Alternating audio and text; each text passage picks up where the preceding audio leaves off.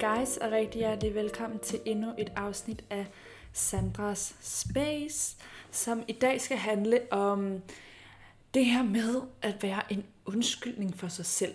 For mig er det lidt et emne, jeg ser i forlængelse af hele pleaser-emnet, som jeg har taget op før. Det her behov for, øh, at andre mennesker kan lide en, at man ikke er til besvær, at man ikke fylder så meget, eller er på tværs, basically.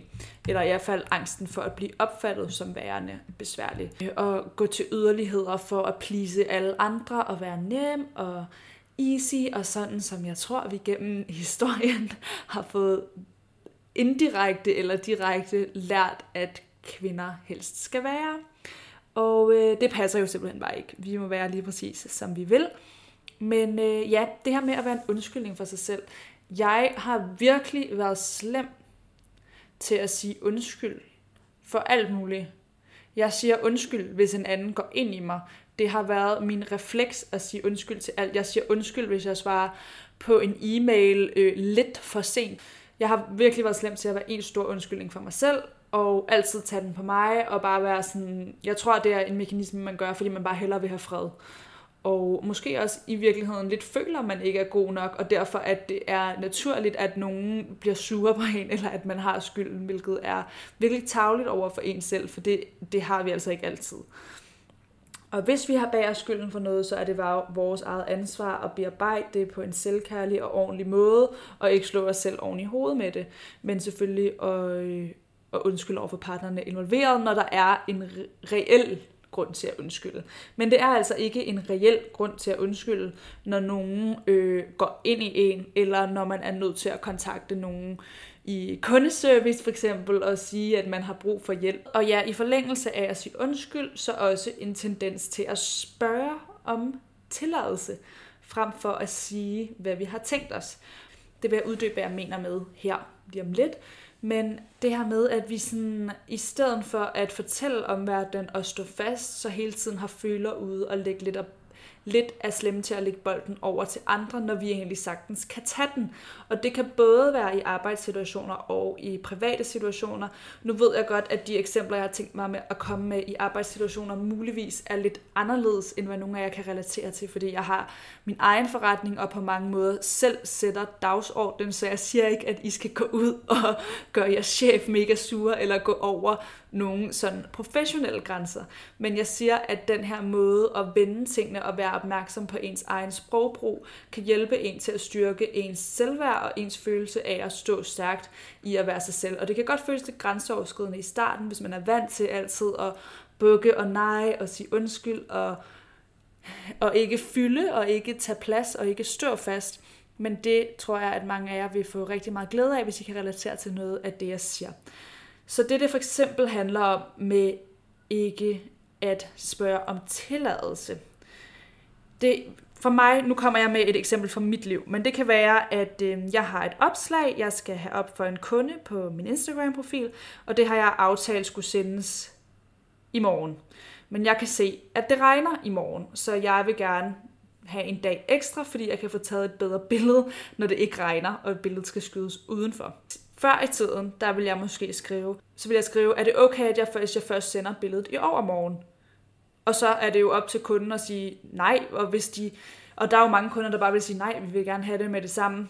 Nu, den måde jeg vil vente om, så vil jeg sige, jeg bliver nødt til at sende opslaget i overmorgen, da det regner, og jeg kan levere bedre kvalitet, hvis jeg får noget ordentligt vejr. Derfor får I det i overmorgen, og ikke i morgen så kan man altid slutte af med noget i stil med, hvis det er en e-mail.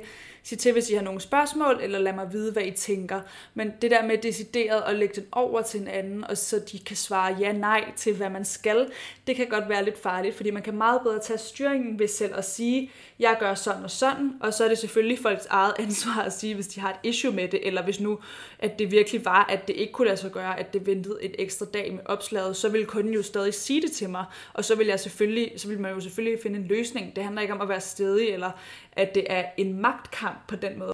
Men det handler om at være bevidst om sit brug af ord, og hvordan man bedre kan få tingene på den måde, man selv ønsker.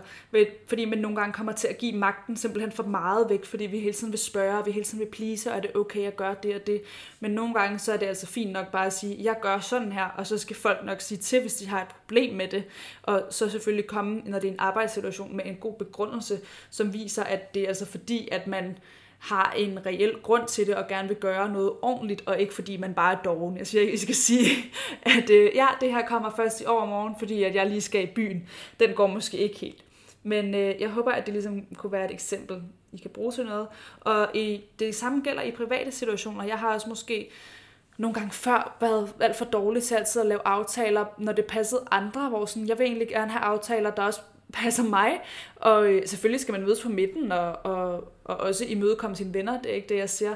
Men for eksempel så kunne man i en situation med en ven eller en veninde sige, hvis nu man var nødt til at rykke en aftale, så ville man spørge, vil det være okay, hvis vi rykkede? Og så kan personen jo så sige, nej, jeg kan kun nu, eller sådan, nej, jeg kan slet ikke næste uge, og så vil man jo være nødt til at gøre det alligevel.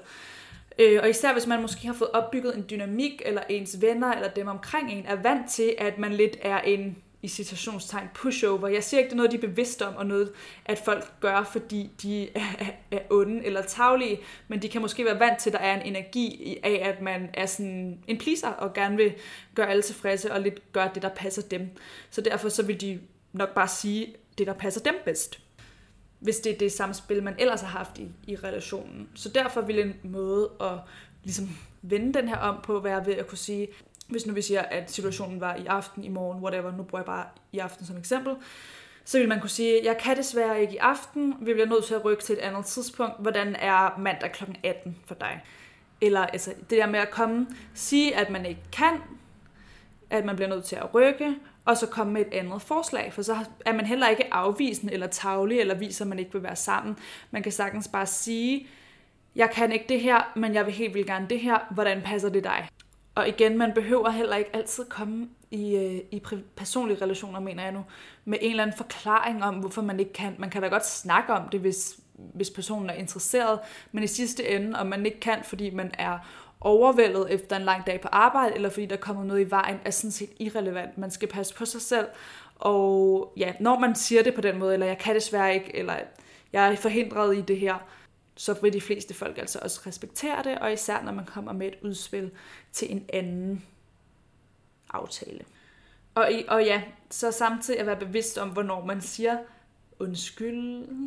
Siger I undskyld, når I skal sende noget mad tilbage? Det er jo i princippet restaurantens fejl, hvis der er en fejl for en restaurantside. Man skal altid opføre sig ordentligt i kundeservice situationer, det er overhovedet ikke det, jeg siger.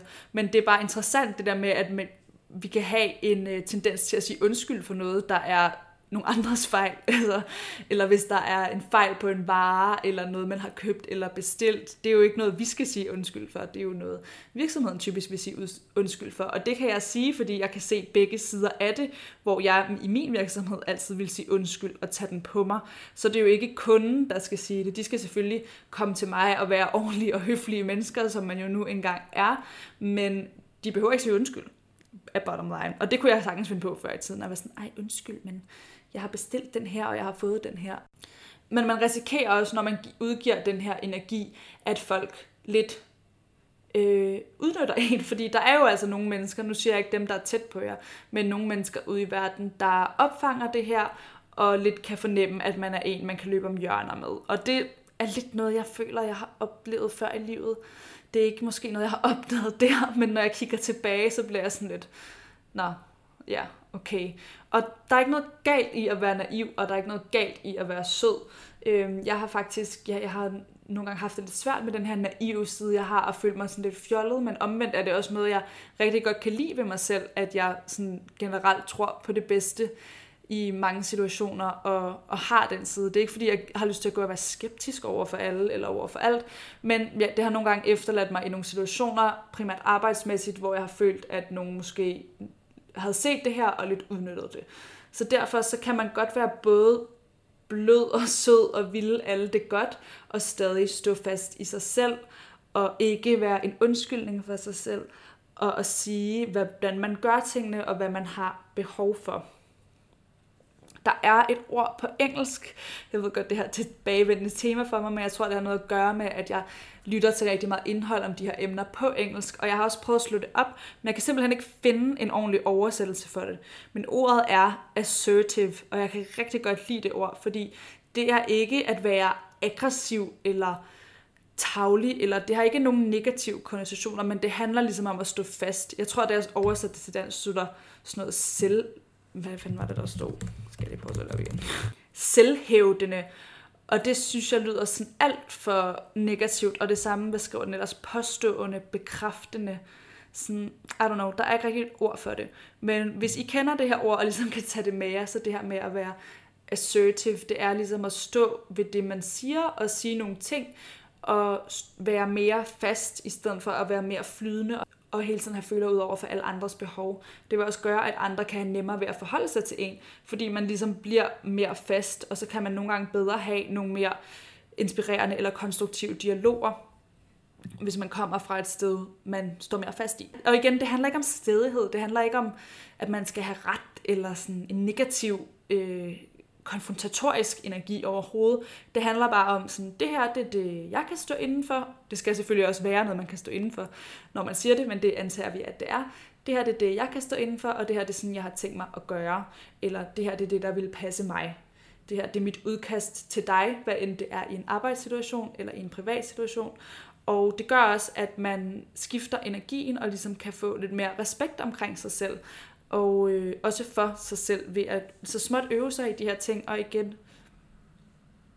jeg har sagt det i nogle af mine andre afsnit, hvor jeg har kommet med nogle idéer til øvelser. Man kan jo starte med at øve sig i det, den situation, man synes er nemmest, hvis du synes, det er nemmere at prøve, prøve dig ad med nogle af de her taktikker og være opmærksom på dit brug af ord og vende den om. I det private, så start der, hvis du synes, det er nemmere i arbejde, eller i over for din studiegruppe, eller whatever, så start der. Tag den situation, I synes er nemmest, og prøv det af. I vil opdage, at, I ikke, at der ikke sker noget dårligt, og selv hvis der sker noget dårligt, vil I opleve, at det kunne I sagtens overleve, og på den måde vil man blive bedre til det løbende. Jeg håber, at det her gav mening. Det er noget, jeg selv faktisk, der virkelig har ændret mit både arbejdsliv og mit privatliv, og det er noget, jeg også lige har givet videre til en god veninde, fordi hun lidt kom til at sætte sig i nogle af de her situationer, hvor hun lidt lag, lag magten over til andre og var frustreret over, at folk så blev ved med at komme til, tilbage med udspil, der ikke passede hende. Og øh, ja, ja, det her det havde i hvert fald både hjulpet hende og mig, og nu håber jeg også, at det kan hjælpe nogle af jer derude. Og øhm, ja, I behøver ikke sige undskyld for at være til, eller for at gå på gaden, eller for at stille nogle krav, eller have nogle tanker, eller lave nogle ting om. Det må, I må også gerne være her, og I skal være her på lige fod med alle andre, og den her øvelse i at stå mere fast i sig selv og opbygge et selvværd og en følelse af, at man kan at man har ret til at indtage sin plads, øh, den synes jeg er super vigtig. Så jeg håber, at det her lille tip kunne være med til at styrke den følelse hos nogle af jer, og så håber jeg, at I vil være med igen næste gang.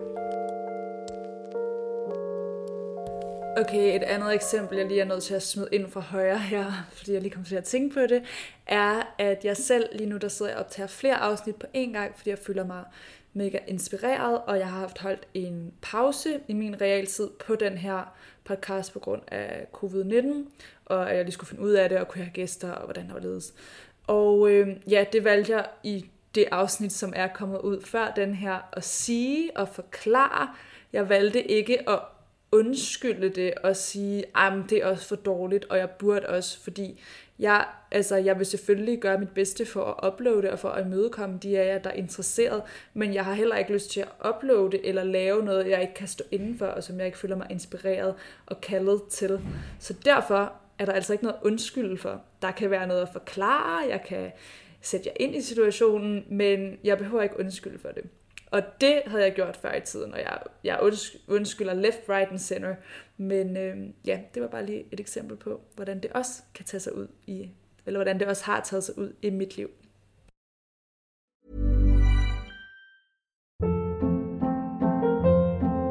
Hold up. What was that? Boring. No flavor. That was as bad as those leftovers you ate all week. Kiki Palmer here, and it's time to say hello to something fresh and guilt-free. Hello Fresh. Jazz up dinner with pecan-crusted chicken or garlic butter shrimp scampi. Now that's music to my mouth. Hello Fresh. Let's get this dinner party started. Discover all the delicious possibilities at hellofresh.com.